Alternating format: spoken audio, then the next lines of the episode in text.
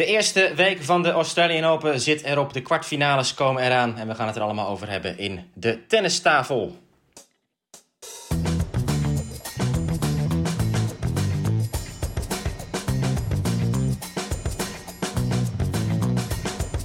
Please take your seats quickly, ladies and gentlemen. Thank you.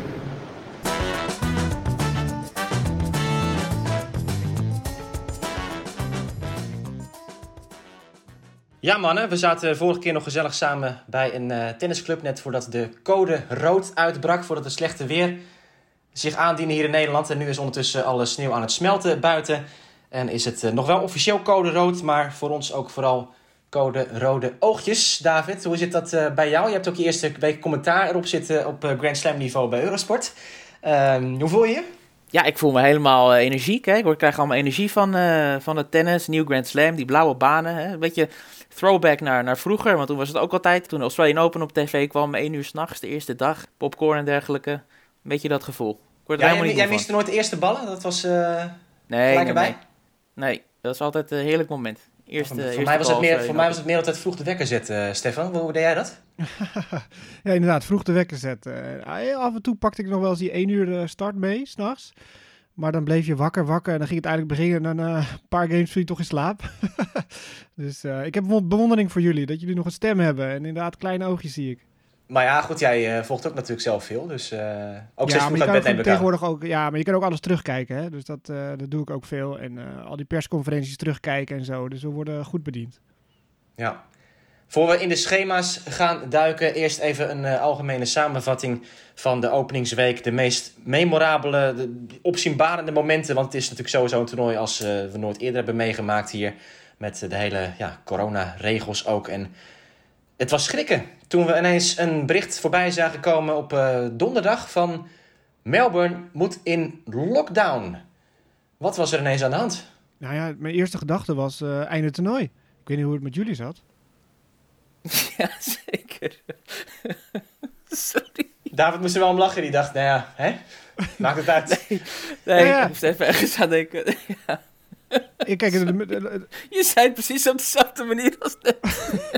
ja, beste luisteraars, het is onze tweede opname. Het is, uh, kan er ook nog wel bij dit. Dat is het nadeel als we het via Zoom opnemen. Had het al gezegd trouwens. Het is, uh, het is ja, via Zoom deze keer in elk geval. Dat we elkaar weer, uh, weer treffen. En helaas had uh, iemand zijn knopje vergeten in te drukken. We hoeven niet te bespreken wie dat was. Ehm, David, ga maar door. ik dacht ook aanvankelijk, dit, dit, dit gaat invloed hebben op, op de Australian Open. Het kan niet anders, het is Melbourne en ze zijn daar zo ontzettend streng.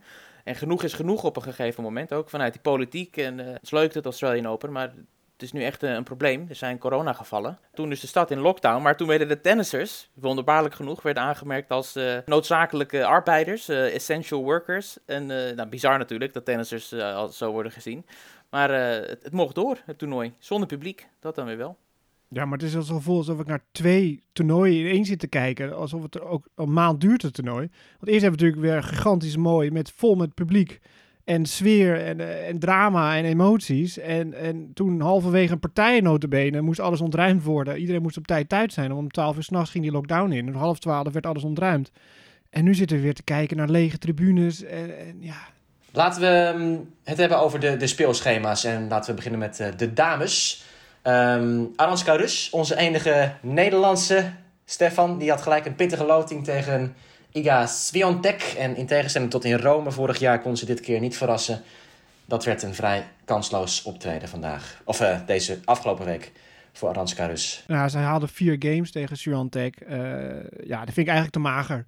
Zeker in de eerste ronde, waar zo'n uh, jonge Pools, Grand Slam kampioene van Roland Garros, die daar dan toch, toch de druk heeft. Denk ik dat je meer partij moet bieden dan vier games.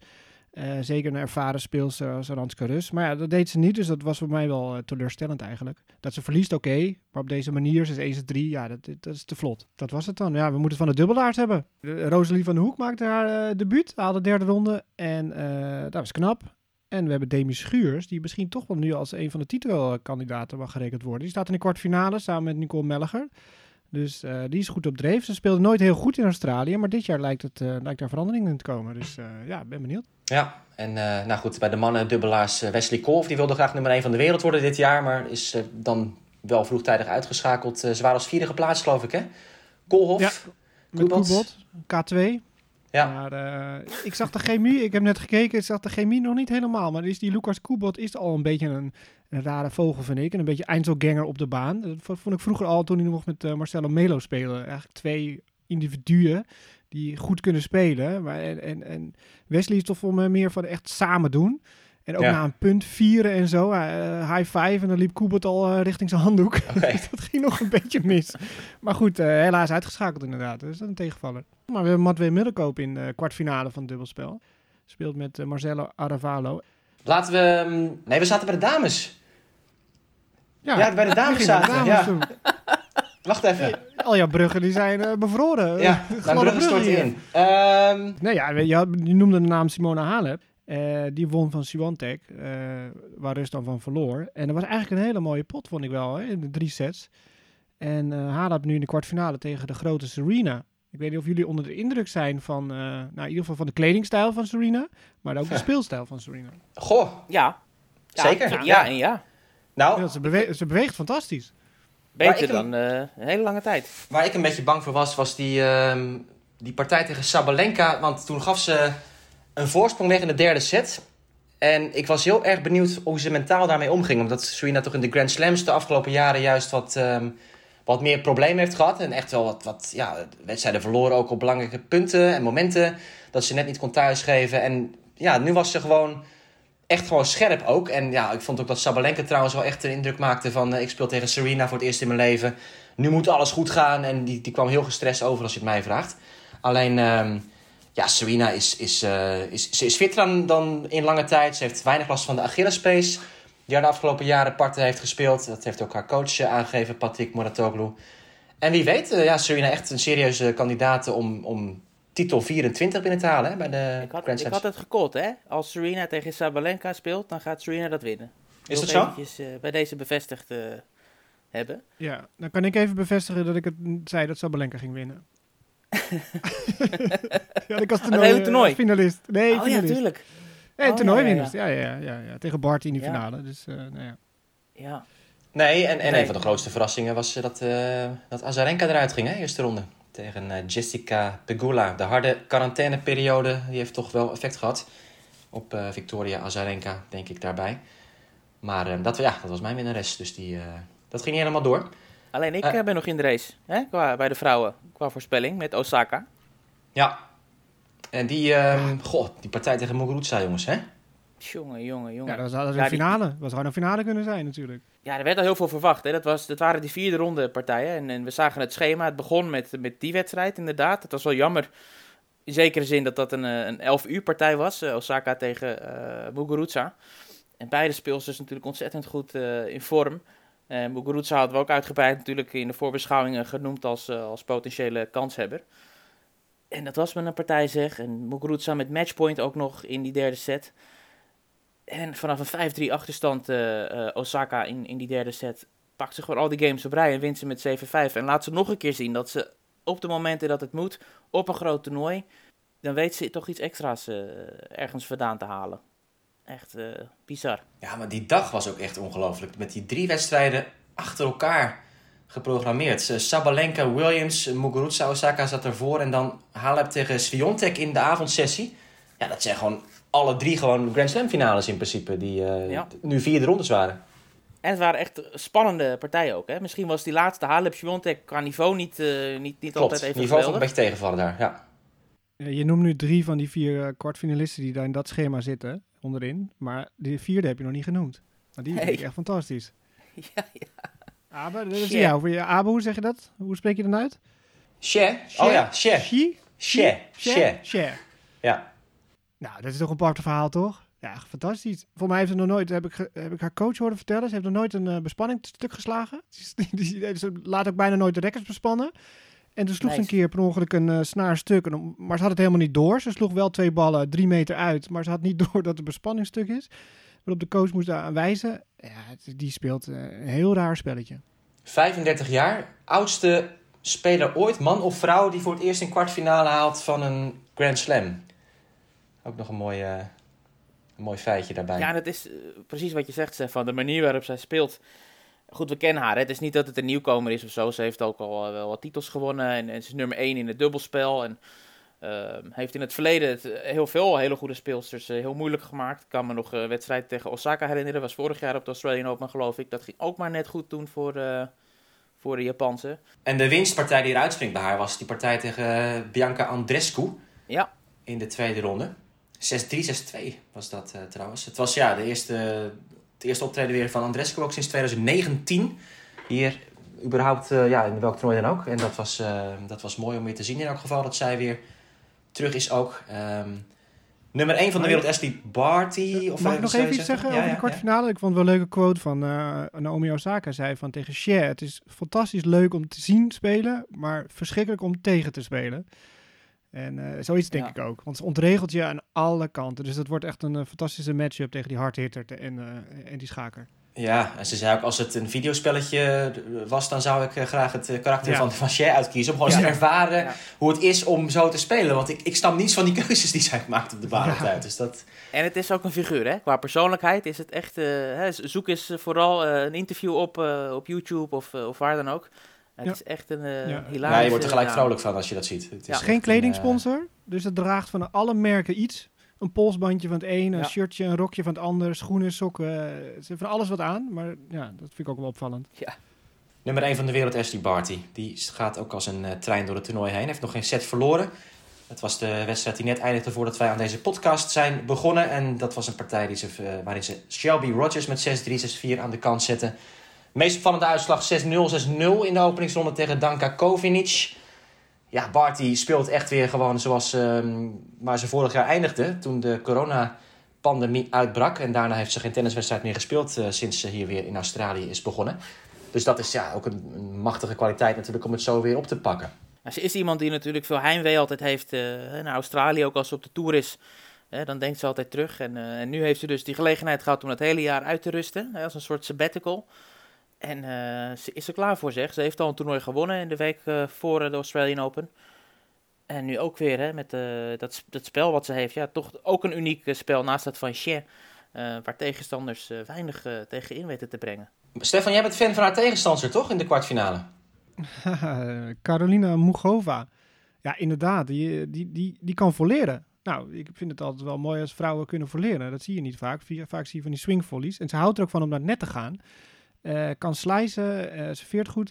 Ja, ik denk dat het een fantastische matchup tegen Barty, die ook van een slice houdt en ook uh, dan voor de durfde tennis tegen Mugova. Ik vind het wel verrassend dat Mugova in de kwartfinale staat. Hè? Won van Pliskova, onder andere. En versloeg Elise Mertens. Ja.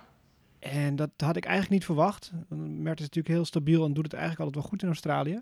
Maar een leuk speelster om naar, naar te kijken. Iets verder naar beneden staat de naam van Sofia Kenin. En die won vorig jaar natuurlijk, tot ieders verbazing. Begon als nummer 4 geplaatst. Nu aan het toernooi werd verslagen door Kaya Kanepi in de tweede ronde. En ja, Kenin, daar gaat het niet heel goed mee, hè? Ja, en ik denk ook dat ze op zoek is naar een psycholoog. Daar, ik denk dat daar een wereld te winnen is voor haar. Want uh, tranen met tuiten bij elke persconferentie, na afloop, tijdens matchpoint, bij de tas inpakken. Ik zie over maar uh, van die waterlanders. Zij deed alsof er heel veel druk op haar stond. Vanuit de buitenwereld om, uh, om maar te presteren en ook titelverdediger. Maar laten we eerlijk zijn, dat, dat valt wel mee. Wij hebben ook in onze voorbeschouwing bijvoorbeeld... Hebben wij echt rekening gehouden met Kenin als, als titelkandidaten? Nou, ook niet. En, en ook de, de, internationale pers, want ik ga er niet vanuit dat Kenin naar onze podcast luistert. Um, niemand Wij hebben nog druk weg willen nemen op haar. Ze had juist moeten luisteren en had ze misschien wat minder over verwachtingen gehad. Ja, ja. ja, dus het is wonderlijk inderdaad hoe dat uh, in het hoofd werkt van haar. Ja, maar wat is dan de druk van je titel verdedigen? Ja, ik bedoel, die punten die ben je sowieso kwijt. Die 2000 punten die je hebt gewonnen vorig jaar zijn sowieso weg. Dus alles wat je nu, zeg maar, haalt, zijn gewoon weer nieuwe punten. Dus, dus die, dus... Nou, sterker nog, ze mag die punten houden dit jaar. Ze zitten nog in die speciale rankingfase op dit moment.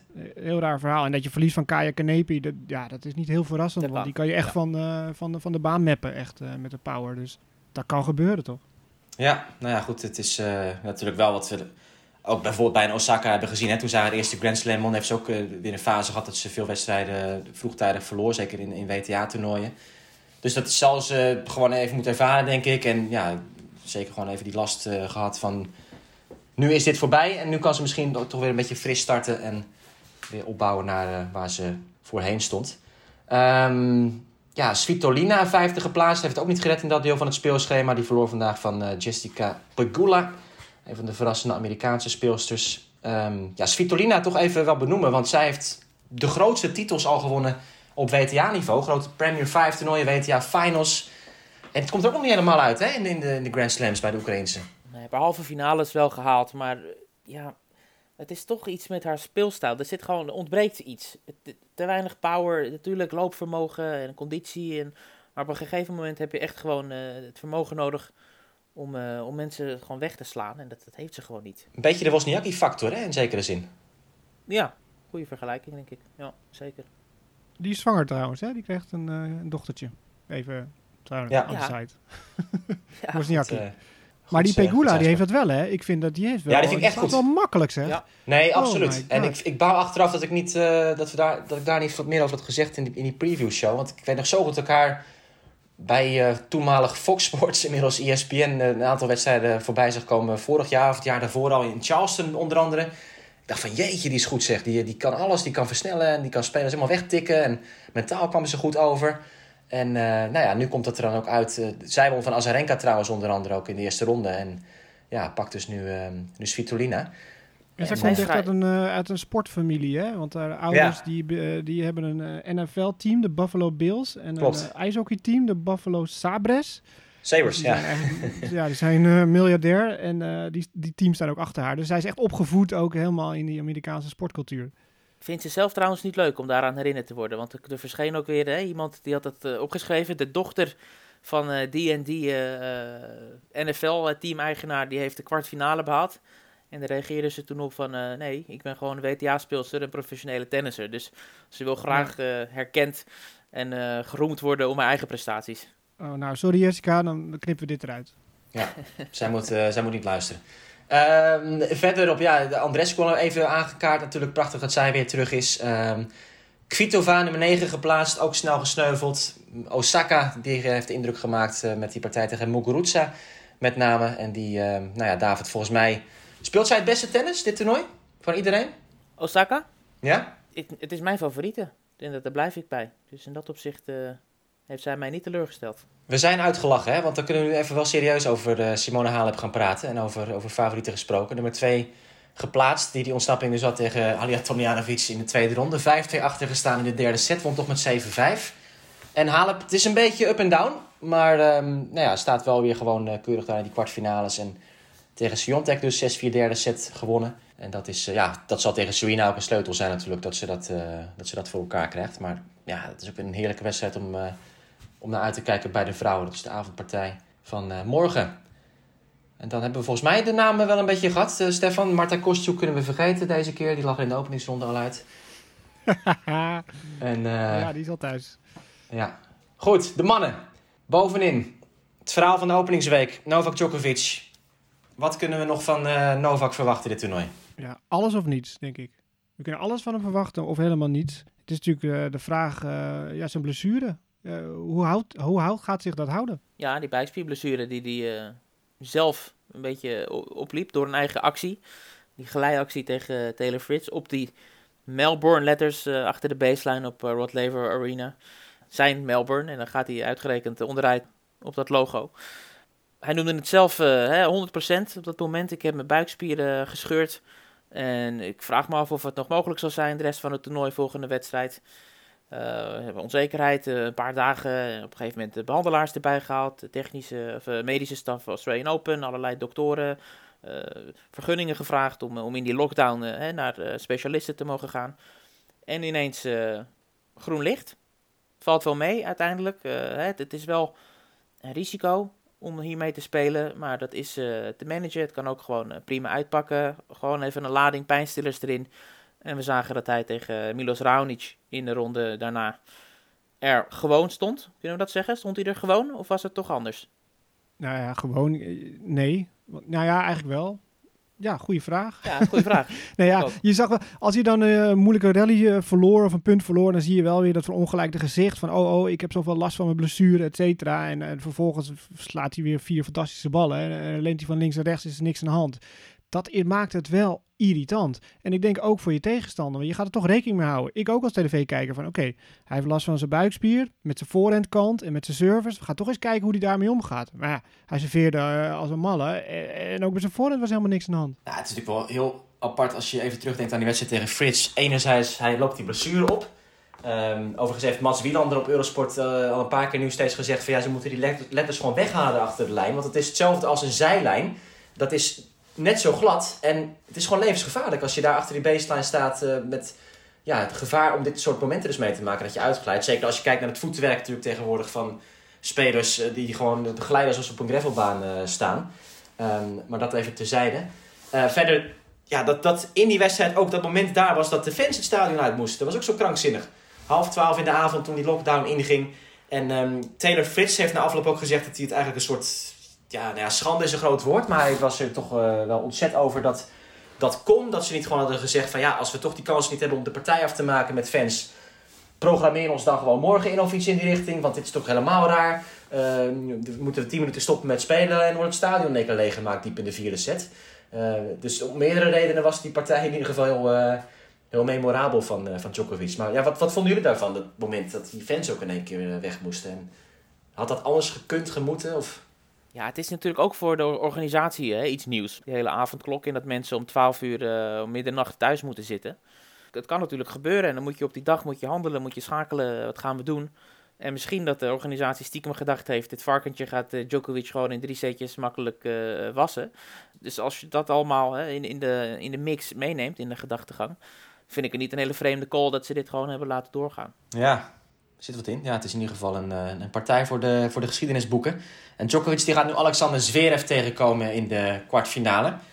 Zou een ander verhaal worden dan de partij tegen Raonic, denk ik. Ik denk dat het nu wel eh, zichtbaar wordt of eh, Djokovic echt nog een titelkandidaat is, ja of nee. Zo, nou, ik vind Zverev echt heel goed voor de dag komen, dit toernooi. Eh, niet qua kleding, want dat ziet eruit als een lange slungel en zijn basketbalshirt. Ja, Maar zijn spel, hemd. ja, maar eh, zijn spel, eh, hij speelt echt sterk. Hij serveert ook heel goed eh, dit toernooi. Dat hebben we ook wel eens anders gezien. Ja, hij slaat de tweede services in. Dat is ook Ja, wel eens anders geweest. Ja. Vorig jaar eh, ging, dat, ging dat mis. Toen had hij eh, ontzettend veel van de dubbele fouten natuurlijk. Dat is uit zijn spel. Hij speelt ook gewoon dit hele jaar al goed. Hè? Want voor de Australian Open had hij ook al een uitstekende wedstrijden neergezet. Tegen Djokovic ook op de ATP Cup. Goede drie-setter gespeeld. Dus dit is een, eh, een rematch. En we weten niet, hè, om, om nog één ding over Djokovic te zeggen, wat hij heeft. Want eh, zijn eigen diagnose was, ik heb mijn buikspier gescheurd. Nou, we weten zeker, dat, dat is het niet. Wat hij wel heeft, wil hij dan weer niet zeggen. Dus het is moeilijk peilen. Ja, ik denk dat misschien Zverev wel favoriet is in deze eh, matchup in de kwartfinale. Als, Djokovic niet 100% is. En ik vind Zverev echt, hij beweegt goed. Hij, eh, mentaal is hij goed, ondanks alle uh, prikkels die hij heeft in zijn privéleven. Ik vind hem echt heel goed erop staan dit toernooi. Dus ja, dat belooft een interessante kwartfinale eh, te worden. Wie in ieder geval geen bedreiging meer is in die speelhelft is Dominic Thiem. Grootste verrassing op papier in het mannentoernooi, nummer 3 geplaatst. Thiem had ehm, de geweldige ontsnapping tegen, tegen Kyrgios van 2-0 achter in sets. Zeker qua ambiance het, ja, de wedstrijd van de openingsweek uh, geweest, die partij. En toen was de tank leeg bij Dominic Thiem. Iets wat je niet vaak ziet. Hij kwam uitgeblust over tegen Grigor Dimitrov en verloor met 6-4. 6-4 en 6-0. Dus ja, Thiem vorig jaar een finale plaats in Melbourne. Maar nu vierde ronde exit. We weten niet hè, wat er aan de hand is met Dominic Thiem. Dat er iets is, dat weten we uh, wel. Maar hij wilde er niet over uh, uitweiden. Hij zei wel, dat heeft niks te maken met die partij tegen Kyrgios. Die, die slijtageslag die hij uh, won. Zeker, vreemd. Vorig jaar finalist natuurlijk, hè, Dominic Thiem. US Open kampioen. Dus ja, een van de, een van de grote kanshebbers. We noemden hem als een soort nieuw grote drie lid, een beetje. Hè? Samen, of grote vier, samen met Medvedev misschien wel. Uh, ja, vierde ronde exit, inderdaad. Grote verrassing. Ja, Medvedev, die zit er nog wel in. En uh, niet de enige Rus die er nog in zit. Stefan, onze grote vriend uh, Aslan Karatsev, die heb jij al langer op de radar staan. Voor velen een heel nieuw gezicht dit toernooi. Uit de kwalificaties gekomen. Een, ja, nog nooit een Grand Slam wedstrijd uh, gehad, hij gewonnen. Gespeeld zelfs, of niet? Nee, nooit. Dat is een Grand Slam debuut. Grand Slam debuut zelfs. En uh, wat gebeurt er allemaal? Ja, heel apart. Hij komt uit de kwalificatie in Doha. Nou, dat is bijna alweer een maand geleden. En haalt nu uh, kwartfinale inderdaad. 27 jaar. Dus het is niet uh, een jonkie die, uh, die, nu pas komt kijken. Maar heel toevallig heb ik hem al wat langer op de korrel. Omdat hij eind vorig jaar, of vorig jaar, heel goed speelde in Tsjechië. Daar haalde hij drie finales op challenger niveau weliswaar. Maar hij won daar eh, onderweg van, eh, van eh, Nederlanders. Dus dan, nou, de Nederlanders kijk ik altijd. Dus hij won eh, van Robin in straight sets toen hij de finale haalde in Praag. En toen verloor hij van Stan Wawrinka in die finale. Maar vervolgens won hij in Ostrava en in Praag 2 het toernooi. En eh, in de halve finale won hij eh, in Ostrava van Botik in twee sets. En in de finale van Praag versloeg hij Tellen Griekspoor in twee sets. Dus toen heb ik hem al zien spelen. En ik was echt onder indruk van zijn spel. En dan denk je, 27 jaar en wat doet hij nog op de Challenger Tour? Is het toevallig dat hij een maand fantastisch staat te tennissen? Maar hij is, ik vind hem beren sterk en uh, krachtig van achteruit en maakt bijna geen fouten. Tenminste toen op gravel.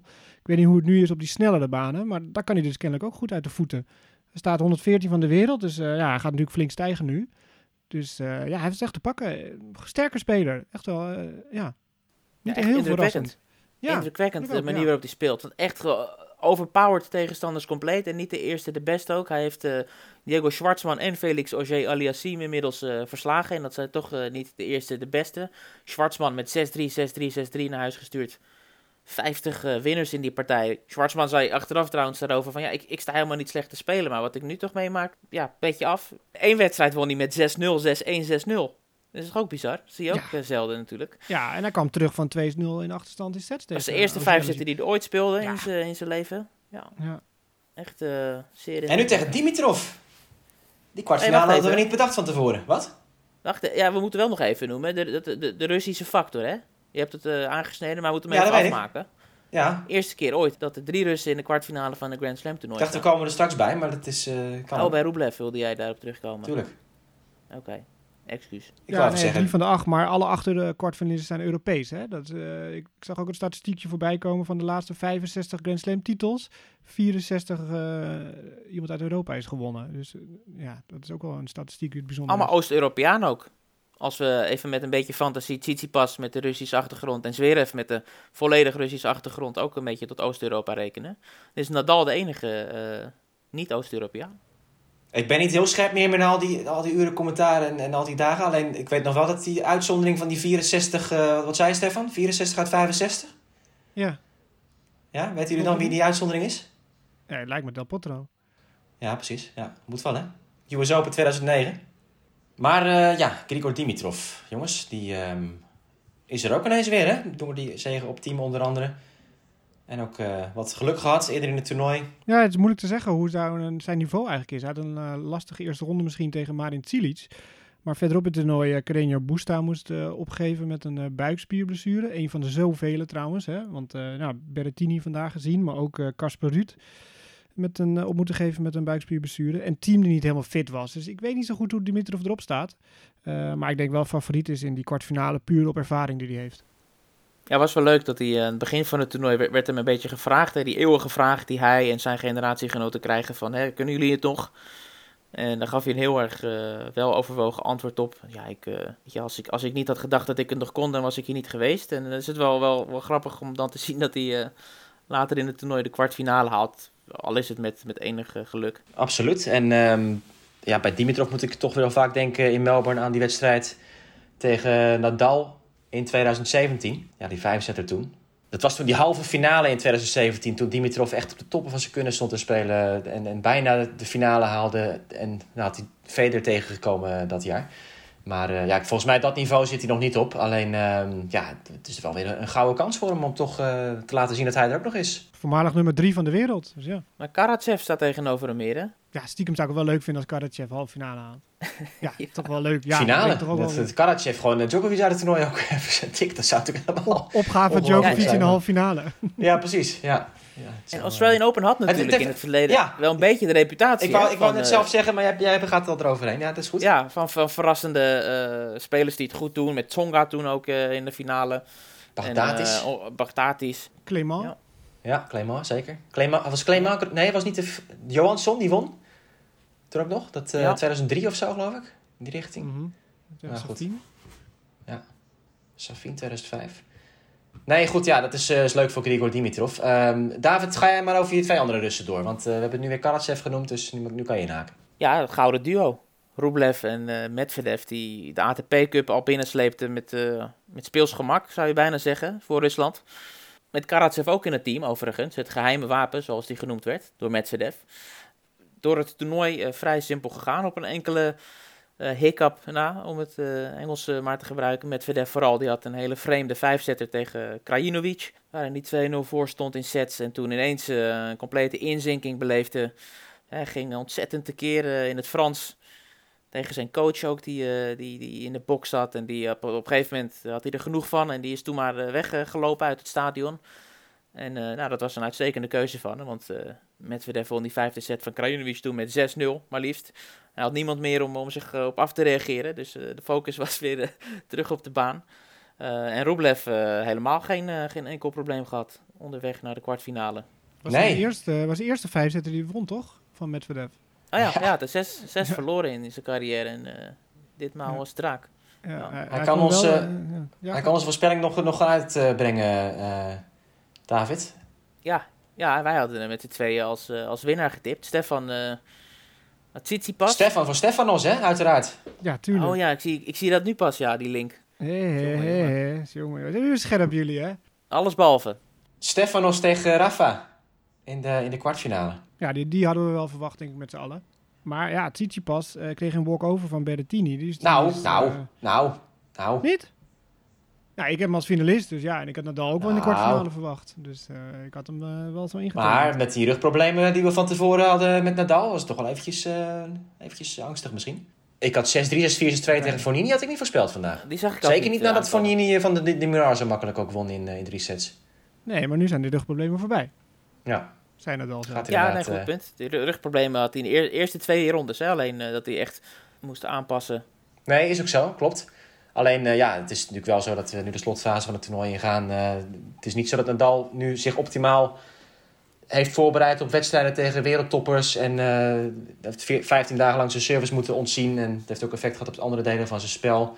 Dus ik ben wel benieuwd als hij nu tegen een Tsitsipas speelt. hoe het met het vertrouwen ook is van Nadal. Om dan ehm, ja, echt op de big points voor de big plays te gaan, om het zo te zeggen. En eventueel daarna tegen Medvedev of Rublev. Dus het wordt nu echt serieus werk. Maar ja, dat geldt voor iedereen. Hè? Het is... Uh... En Tsitsipas heeft ook een bijzondere route gekend. Ja, die heeft ook een vijfzetter al in de benen. Tegen Kokinakis.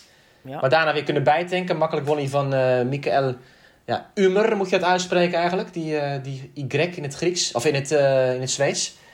en, en Berrettini die gaf dus vandaag op met een, met een buikspierblessure. Ja, wie hebben we nog meer, ja, we, we, kennen het gezegd, hè. Je kan een Grand Slam niet in de eerste week winnen.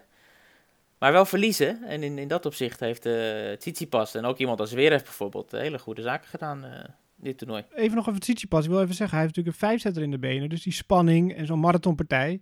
Ja, die heb je, kan je maar beter. Die heeft hij gewonnen. Dus dat gevoel heeft hij. Daarna heeft hij een makkelijke overwinning en daarna een walk-over. Dus nu is hij weer vers tegen Nadal. Met de ervaring van zo'n spannende vijfzetter. Ja, ik vind hem echt levensgevaarlijk tegen Nadal. Dus ik, ik ga voor Tsitsipas nog steeds. Ja, hij won natuurlijk van Federer ook al een keer hier in Melbourne een paar jaar geleden. Dus het is... Ja, uh... Tsitsipas, als je hem altijd over uh, Nadal hoort praten, dan is dat wel voor hem een beetje hè, de, de Mount Everest altijd. Uh, winnen van Nadal. Dat, dat ziet hij altijd... Hij kijkt ernaar uit, uiteraard. Hij heeft ook al van hem gewonnen, op gravel zelfs ook in Madrid, een paar jaar terug. maar, maar toch ziet hij spelen tegen Nadal als de ultieme uitdaging. Ja, hij kreeg een oorwassing van Nadal een keer bij de Australian ja. Open. Dat was, uh, daardoor heeft hij echt een soort, ineens dat gevoel gehad van... Oh, hij dacht wel dat hij natuurlijk ineens uh, een beetje de man was uh, aan, het worden. Dat toen ja. kwam Rafa voorbij en die liet even zien... nou jongen, je hebt nog even nodig om, om te verbeteren. Ja. Nee, nee, dat belooft zeker een, een, een, mooie kans te worden, denk ik, voor Tsitsipas... om daar toch verder te gaan. Stefan, klaar ervoor? Yes, go. Botik en Robin... Ja, ja. Let's go. Mijn specialty. Uh, nou ja, uh, allebei verloren in de eerste ronde. Dat, is, uh, dat weten we natuurlijk allemaal wel. Robin speelde tegen Krajinovic. eigenlijk heel best wel een goede wedstrijd. Maar Krajinovic is gewoon een betere speler. Robin vocht wel wat hij water is. Haalde nog een setje eruit. Maar in vier sets toehouden. Maar Botik hadden we misschien wel iets meer van verwacht. Speelde tegen de jonge Alcazar. Ras. Ja, zo zeg het goed toch? Ja, Alcatraz. Alcaraz. Nee. Alcaraz. ja. Escape from Alcaraz. Die uh, verloor in drie sets. Um, ik sprak Dennis Schenk na afloop, uh, de coach die mee was uh, met Botik. En um, ja, Dennis zei, Botik blijft te veel hangen in zijn slechte start. Hij vond dat hij niet goed begon, dat hij niet goed serveerde. En dat Botik echt zoiets had van, ja, verdorie, waarom dan precies op dit moment dat mijn service niet loopt. En nou, dat had invloed op zijn hele spel. En daar bleef bood ik eigenlijk acht games in hangen. Ja, dat is gewoon te lang. Je mag wel even van baden, maar dan moet je overheen zetten. Want voor je het weet, glipt die partij uit je handen. Later gaf je wel wat meer tegenstand. Maar ja, toen was het eigenlijk al te laat. Dus hij kwam er niet meer lekker in. Dus dat is wel een leermoment die uh, Botik uh, meekrijgt. En, en Dennis Schenk zegt ook... Ja, hij kan echt met die jongens mee. Hè? Hij moet constanter worden. Hij moet ervaring opdoen. Het was pas de achtste uh, hardcore toernooi in de buitenlucht. Dus hij is 25, maar eigenlijk nog een groentje op dit gebied. Dus hij kan nog echt stappen maken richting top 100 en een, misschien wel een stabiele top 100 speler worden. Nou ja, dat heeft hij zeker bewezen door die optredens al in de week voorafgaand aan de Australian Open. Dat hij daar uh, bijna van, van Gatjana won, bijvoorbeeld in de, halve, in de kwartfinale. En andere zegers al boekte die week. Dus dat bewijs is wel daar dat hij zeker die capaciteiten heeft. En nu is het spannend wat er met, uh, met, met het ABN-toernooi gebeurt. Hè? Gaat hij een wildcard krijgen voor dat toernooi? Moet hij de kwalificatie spelen? Krijgt Haase die wildcard? Op basis van zijn carrière en op basis toch ook van een aardig optreden hier tegen uh, Krajinovic. Want ja, ik vind ook het winnen van een set is gewoon uh, een prima resultaat. Zeker als je ziet dat Krajinovic daarna twee sets pakt van Medvedev nog in hetzelfde toernooi. Uh, nou, ik, mijn gevoel gaat uit naar Bodik. Uh, maar er is nog niks bevestigd en we weten het nog helemaal niet. Uh, ik weet wel dat Bodik speelt Montpellier volgende week en dan naar ABN. En dan daarna gaat hij kijken, ga ik terug naar de Challenger Tour of blijf ik op de ATP Tour? En dan moet even kijken hoe dat past. maar ja, Robin heeft natuurlijk ook wel veel betekend voor de, voor de toernooi in Ahoy de laatste jaren. Dus is ook wat voor te zeggen. Maar mijn gevoel gaat uit dat Botik die laatste wildcard krijgt. Ja, want de afspraak was dat een Nederlander nog een wildcard zou krijgen. Nou, in principe, er zijn drie uh, wildcards. In principe twee voor de Nederlanders. Uh, maar ja, goed, Kai Nishikori had er hem nodig, want die kwam er gewoon niet in. Omdat zo sterk de inhemelsveld is. En Sinner ook. Uh, de cut-off ligt geloof ik op 33, Dan Evans.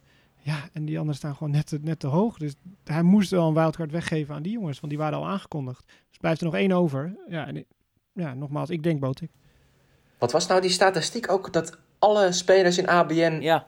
een reekshoofd zijn, dus een geplaatste status hebben bij de Australian Open. Dat is toch, dat is toch bijna niet te ja. verzinnen? Knettergek, knettergek. Allemaal geplaatste spelers.